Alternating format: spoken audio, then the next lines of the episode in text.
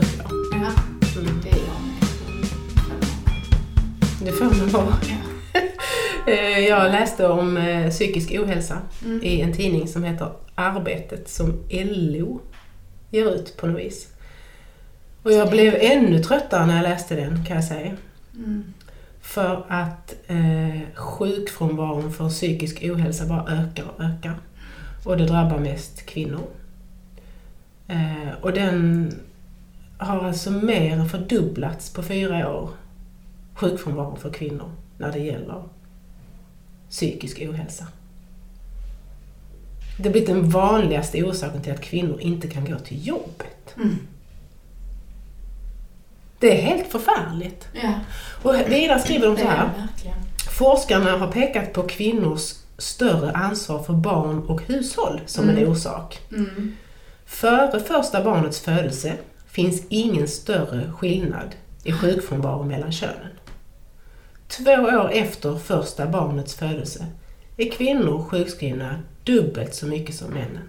En skillnad som sen hänger i. Nej, det är inte klokt. Det här är helt, alltså varför ringer det inte stora jävla alarm det man hör var fjärde måndag? Det borde ringa varenda jävla morgon på något vis. Det här är helt sjukt. Ja, det är inte klokt. Men det som var väldigt intressant i den här artikeln, det var Ja. också att de skriver Däremot, tvärt emot vad man kunde tro, Mm. är kvinnorna i de mest jämställda paren inte friskare. I de fall kvinnan satsar för fullt på sitt arbete och delar ansvaret för barnen lika med mannen löper hon som störst risk för sjukskrivning. Kvinnor som accepterar den traditionella fördelningen deltidsjobb och huvudansvar för barnen, de har inte någon förhöjd sjukfrånvaro alls. Så det är den här kombon av att jag ska, vara, jag ska göra karriär, jag ska vara en perfekt mamma, en perfekt hustru, en perfekt dotter, Kvinna. en perfekt eh, kvinna, en Mm. perfekt kompis, Mm. med en perfekt kropp. Och jag ska klara av att administrera jämställdheten på hemmaplan och när den kraschar Mm. så gör jag allt för att upprätthålla den på något vis. ju. Ja. Och lägga ner ofantligt mycket energi på det. Och jag kan tänka mig också att man skäms, det känner jag hos mig själv. Mm. Man skäms om man inte lyckas upprätthålla den jämställdheten. För jag är ju en Ja. eh, Modern kvinna. ja, modern och stark och... Ja, men ja, ja, ja, du menar att de som trots allt lever jämställt.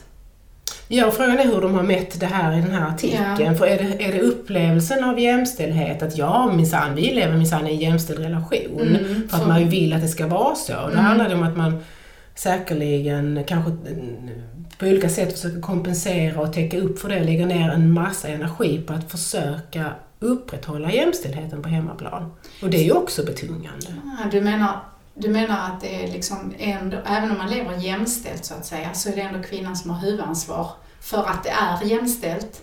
Det blir hennes projekt. Att min man, han, han dammsuger, han gör alltid mat. Han dammsuger. Mm. Men det är kvinnans ansvar att det sker och att Just den balansen är upprätthållen. Och det blir ytterligare någonting att lägga på hennes axlar. Just det. Och så just eh, skammen över att erkänna att det faktiskt inte rullar på av sig själv. Mm. Och att man lägger det på individen. Ju. Just det. Ja men det här, vem vill liksom säga ja, jag är förtryckt? Nej, det vill man ju inte. Nej, det är ju jättehemskt. Man säger ju att utmattning drabbar kvinnor som är ehm, som har höga krav på sig själv och som är Mm. högpresterande, som bryr sig mycket om andra.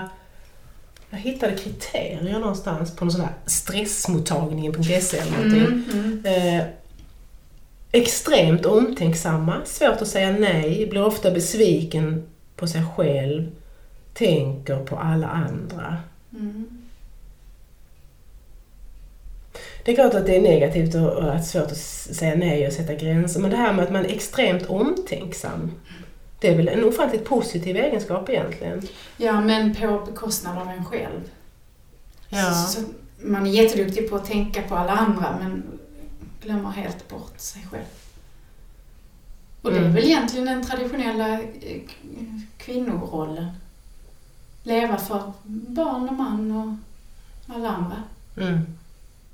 Men hur gör man med en kvinna som, som är på väg att bli utmattad då? Alltså för det handlar ju jättemycket, det är klart att um, nu vet vi att det är jättemycket strukturer som påverkar men det är ändå på individen, man måste ju, hon, vi kan inte rasera de strukturerna på en, i en handvändning. Dessvärre. Dessvärre. Vi skulle vilja. Men det går inte. Krossa patriarkatet går inte Nej. i en handvändning. Nej. Nej. Ja, så vad gör man? Ja, man hjälper till och, och, och, och Ofta är det ju så att man, anledningen till att man går in i en utmattning är ju för att man har kört över sina egna eh, gränser och, signalerna från kroppen så många gånger. Man har, man har kört på liksom, så att man har tappat förmågan att känna av. När är jag trött? När är jag hungrig? När måste jag gå och kissa? Alltså de mest basala. När måste jag sova? Sist kan man ju inte sova. Så det man gör då, eller det jag gör är ju att jag försöker som psykolog hjälpa till att, att medvetandegöra de, de signalerna och peka på att och man, man får vara ganska så eh, psykoedukativ, alltså, ut, alltså tydlig och eh, eh, rak och säga att detta, är, detta är utmattning. Du är i ett utmattningstillstånd. Eh, du måste gå till doktorn och sjukskriva dig och då brukar många bli väldigt ledsna. För det är väldigt mycket sorg i en utmattning. Sorg över? Sorg över sina egna begränsningar. Och mycket skuld och skam. Hur kunde jag göra så här mot mig själv? Och, och att det blir liksom på något sätt ett misslyckande. Jag klarar inte det. Jag liksom, jag, den starkaste av alla. Jag, liksom. Så det är skam och det är skuld och det är sorg. Men innan det så är det liksom, måste man, jag vet inte, dra i nödbromsen liksom. Hallå, ser du vad som håller på att hända här liksom? Du sover inte, du glömmer att äta, du, du bara jobbar, du liksom Mm. får upp ögonen för det är som om man går i en... Det kan jag känna igen hos mig själv eftersom Ja. jag ju sprang med full kraft rakt in i väggen för över tio år sedan. Mm. Eh, och hur irriterad jag blev när folk började påpeka att jag körde på för hårt. Och jag Mm. värde mig mot alla försök runt omkring mig att liksom eh, nära vänner som försökte bromsa mig. Jag blev bara fruktansvärt irriterad. Hjälp mig istället! Liksom. Ja, och, och köra på här i 190. Just Liksom. Så det var antagligen ditt sätt att skydda dig mot skammen och skulden och sorgen. Och sorgen, ja. Mm. Men hur mycket hjälper det då eftersom vi nu vet att det här är ett, eh, eh, ett mönster i vårt samhälle som Mm. handlar om eh, könsrollsmönster. Mm. Hur mycket hjälper det att liksom avla, kan man avlasta individen på något vis genom Ja, oh ja. att prata om det? ja. Det, så tänker jag i alla fall. Där, där är kanske man olika. Men absolut tänker jag det. Att, att man kan inte bara sitta och jobba med individen och med de inre känslomässiga processerna. Utan man måste också ta in omvärlden. Men hur, ser, hur ser det ut på ditt jobb? Hur, vilken, hur ser din arbetsbelastning ut? Vad har du för stöd där?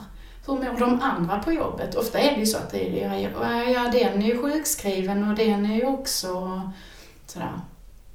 Och sen, ja, hur ser det ut hemma då? Vem är det som, vem är det som sköter hemmet och vem är det som tar hand om barnen och hur ser det ut på det? Och, så. och, och, och när man liksom lägger det pusslet så blir det ganska tydligt oftast att ja, men det kanske är helt sunt, på, eller inte sunt, men fullt förståeligt att du reagerar så här utifrån den här situationen som är helt sjuk. Liksom. Mm. Och det kan ju vara väldigt avlastande, för, för, framförallt för skuld och skam. Mm. Att, jaha, kanske inte så konstigt. Mm. Jag har rätt att må så här. Mm. Och också det här med sömn, eh, att, eh, att få lov att sova. Det är ofta så det börjar. att man börjar sova lite dåligt. Mm. Man kan inte somna på kvällen eller man sover oroligt eller man vaknar tidigt på morgonen vid fyra, fem tiden kan inte somna om. För sömnen är också det ultimata som man ju egentligen inte kan prestera, tänker jag. Det är väl därför det hänger ihop så tydligt. Med, med läkeprocessen också. Ja, Sömn kan jag inte prestera. nej.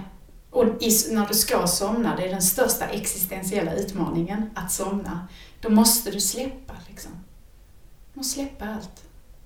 Och det kan man inte medvetet göra ju. Nej. Mm.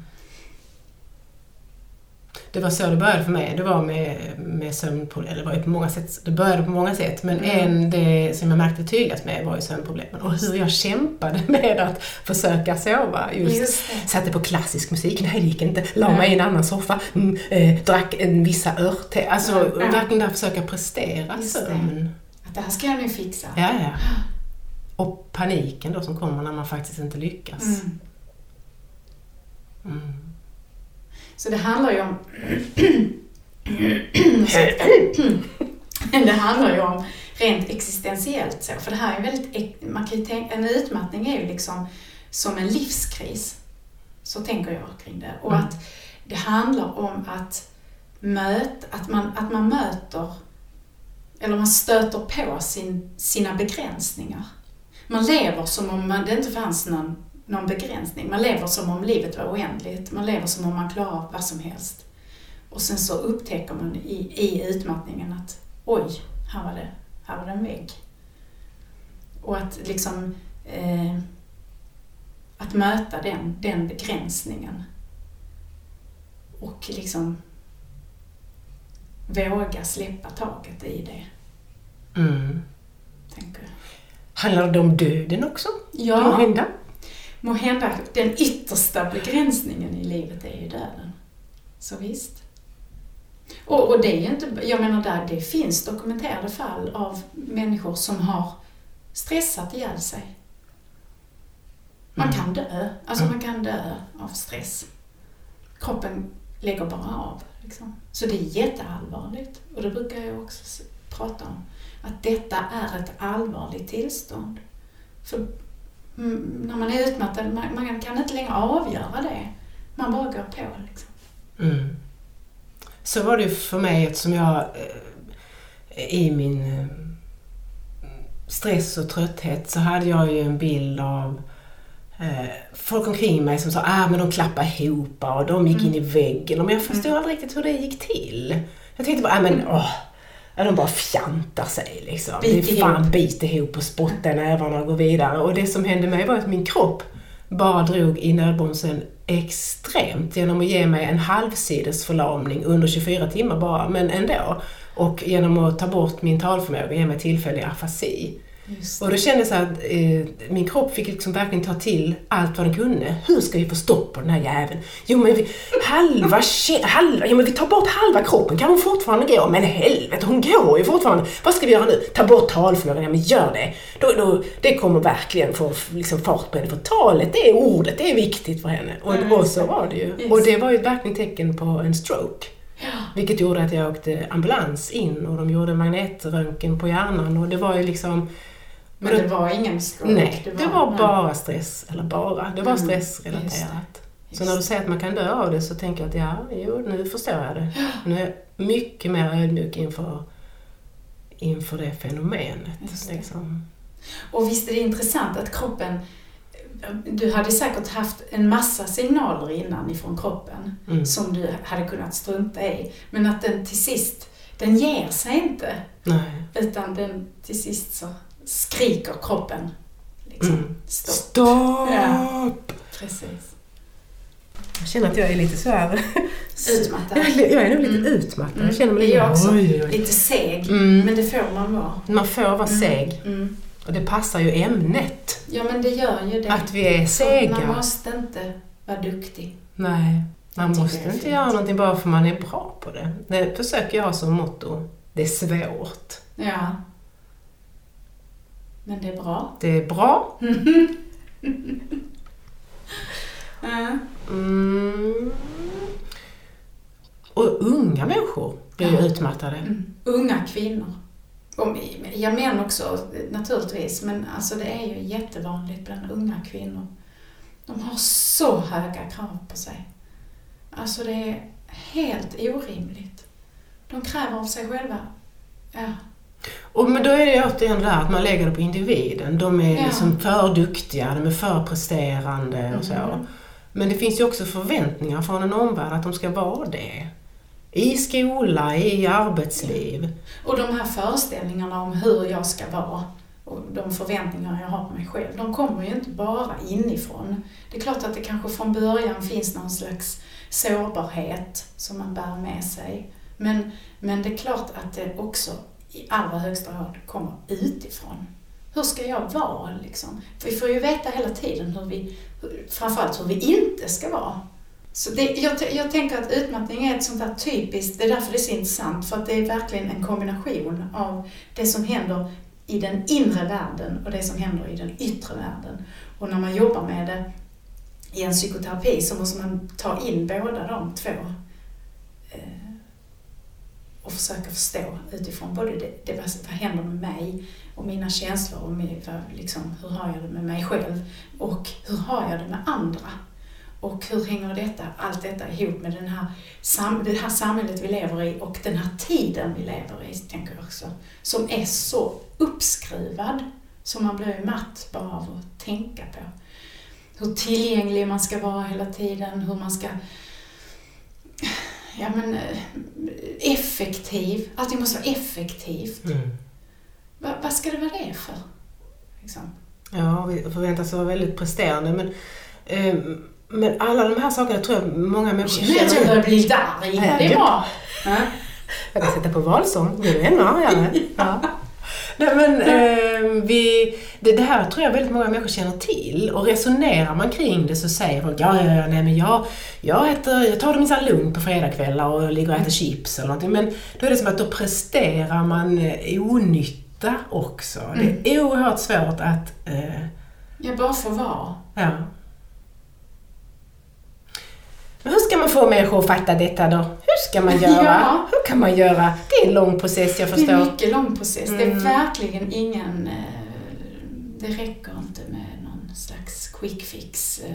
Visst, det kan vara jättehjälpsamt att lära sig till exempel mindfulness och meditera eller gå på yoga eller ja, Jag olika. hatar yoga. Ja, du behöver inte. Nej.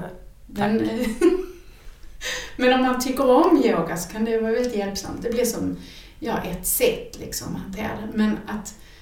ehm, Men det är som att man hanterar det med ytterligare en prestation bara. ja, risken är ju stor att man hamnar i det. Om man inte riktigt tar reda på hur kom det sig att jag liksom eh, hamnade i det här? Och hur vill jag liksom, hur, hur vill jag leva? Och det är massa, man får en massa möjligheter att ompröva. Mm. Och då kan det leda till någonting väldigt bra. Ja, det där känner jag igen mig jättemycket kan Ja. jag säga. För Mm. att jag tycker Helena 2.0 eh, Eh, lever ett mycket bättre liv. Det Eh, tycker jag med som har känt dig. Vad är det? Vågar vi säga Nej, men jätte, jättelänge. Ja. Mm. Och att få hitta, det handlar om att hitta sig själv. Vem var jag egentligen innan allt det här? Vem, vem är jag nu? Vem vill jag vara? Mm. När jag eh, gick in i väggen, det säger jag, för att det var verkligen så Mm. för mig. Mm. Jag gick in i väggen, bump. Mm. Då fick jag i all välmening Mm. eh, några kollegor skickade en liten krya på dig present till mig. Och då var Mm. det en sån här självhjälpsbok. Som han, jag kommer inte ihåg titeln, eh, kanske Sluta vara den duktiga flickan eller någonting. Och så var det så här checka tips. Eh, jag tog den direkt bara slängde in den i kaminen. Så, eh, fruktansvärt provocerande. Ja. Ja, för det är väl inte tips och råd. Det var väl inte tips och råd du behövde? Du behövde... Bekräftelse i att jag fick lov att vara så jävla trött som jag var tror jag. Precis. Och inte direkt något litet recept på hur jag skulle kvickt och lätt ta mig ur den här Nej, situationen. just det. Och det kan man ju egentligen, om man vill jämföra med terapi. Alltså vill jag jag brukar också vara noga med att säga det i terapin att du, du, här ska du inte prestera. Jag kommer inte ge dig några hemläxor. För jag vet att du kan prestera. Jag vet att du kommer göra varenda läxa Uh, uh, till fullo. Liksom. Utan här ska du bara få vara. Liksom. För är det, får, man, får man uppleva att här det är okej okay att bara vara. Alltså jag duger ändå. Då kan man ju kanske förhoppningsvis bära det med sig ut utanför eh, terapirummet och, och bära det med sig. Upp på barrikaderna till sist då! Eller hur? För det är dit vi måste också. För vad ska det här sluta? Mm. Med Ja, att det- sjukskrivningstalen liksom... Mm. Mm. Alltså, när jag googlade det här så hittade jag liksom olika test för att man skulle se om man var utmattad. Men de kände jag var ganska ointressanta att göra egentligen. Mm. För att jag vet att jag inte är utmattad nu. Mm. Jag är lite trött ikväll, Mm. men jag är inte utmattad. Mm. Mm, Men då snubblade jag över andra test. Jaså? Till exempel ett test som heter så här, Hur ond är du? Hur ond? Ja, visst är det underbart? Ehm, Jag trodde det var hur ont har du? Jag det var det ont. inte. Ja. Men det finns massa intressanta test. Ja. Ja, och det, alltså jag kände ett visst behov när jag började läsa de här Mm. testen av att ringa Bosse. Ja! Vår utsände i verkligheten. Härligt. Och allt som han är. äntligen, Äntligen, Hallå? Hej Bosse! Hej! Ja, så här. Vi, vi sitter och pratar om utmattning och vi blir liksom bara trötta och trötta. Vi har tänt ljusen och druckit te och nu kroknar vi nästan. Det är hemskt och jag gjorde ett sånt, te, liksom började på ett test eh, som skulle kontrollera om jag var utmattad. Men det var så himla tråkigt det testet så jag, jag eh, hittade andra test som var mycket roligare.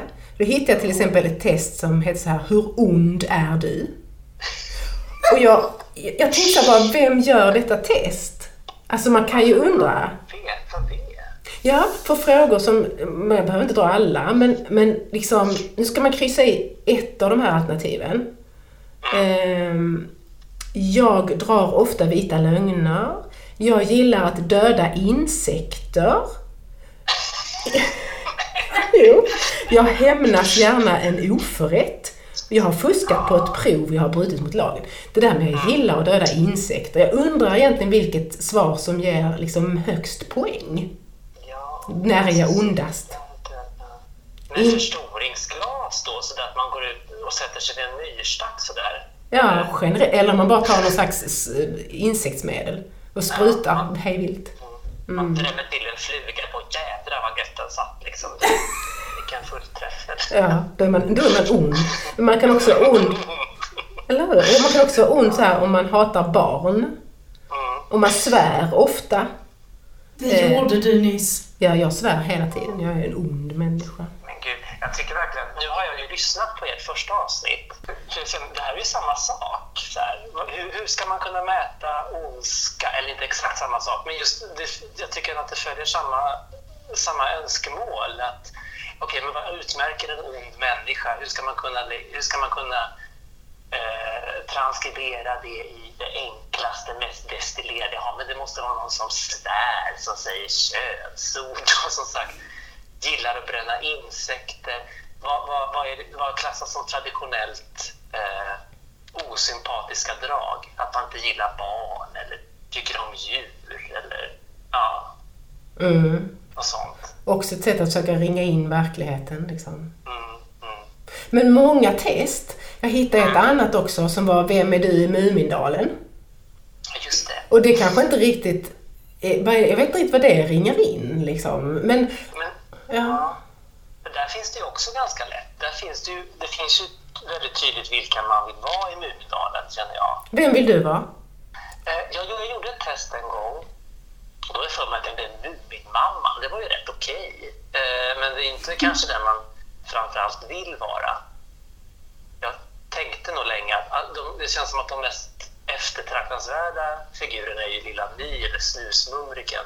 De som är starka och solitära på något vis. ja, Mm. som går själva, sin egen väg. Men jag tycker att allt som oftast så pekar det ner att man är en himul eller en filifjonka eller något. Ja, filifjonkan är den som, till exempel går omkring och är väldigt ängslig och rädd för katastrofer hela tiden. Alltså vi har ju pratat om utmattning här. Är hon den som har närmst en utmattningsdiagnos? Ja, nu, nu vet jag inte vad som utmärker en utmattningsdiagnos. Nej, men det kan du få reda på av psykologen. Vänta. Ja, Mm. Ja, vi har, har du inte DSM-5 här idag? Nej, jag har slängt bort den där boken vi hade förra gången. F438A Typ. är eh, beteckningen. Ja. Nej men utmattning, om man tecken på det, det är väl att man har väldigt svårt att, man, man glömmer saker väldigt lätt och man har kanske svårt att sova och ja. Ja, att man är, alltså, man är så trött så att man kan inte återhämta sig från tröttheten. Man är utmattad. Men det är inte filifjonka, hon är ganska god, bra tryck i henne ju. Mm, hon är ju Ja, hon ångestdriven. genomgår ju väldigt intressanta psykologiska processer, som den här novellen då, när hon som är rädd för katastrofer. Och sen finns det ju en annan, den, den sista Muminboken som Ove skrev, där finns det en filifjonka också som, som upplever ett väldigt starkt trauma i början av boken, som är också kopplat till det hon älskar att göra mest och som är själva hennes huvudsyfte, som är att ta hand om sitt hus och städa och sådär. Och så händer det att hon inte kan göra det. Ja, som vid en utmattning. Precis, ja exakt. För hon, hon, hon hamnar ju då i en djup identitetskris. Vad, vad ska jag göra om jag inte får städa eller laga mat? Just det. När, jag, när jag inte kan göra det längre, vad, vad, vad, händer då? Vad är en filifjonka som inte kan göra det här? Ja, precis som en utmattning. Hon blev utmattad där, vad hände med henne? Vad hände med henne? Nej, hon, jag vet inte om hur mycket jag ska avslöja i boken, men, men hon blir den som städar igen på slutet. Och så är det inte mer med det. Ja, Okej. Så speciellt. Du är min ledstjärna. Ja. Men du. Mm.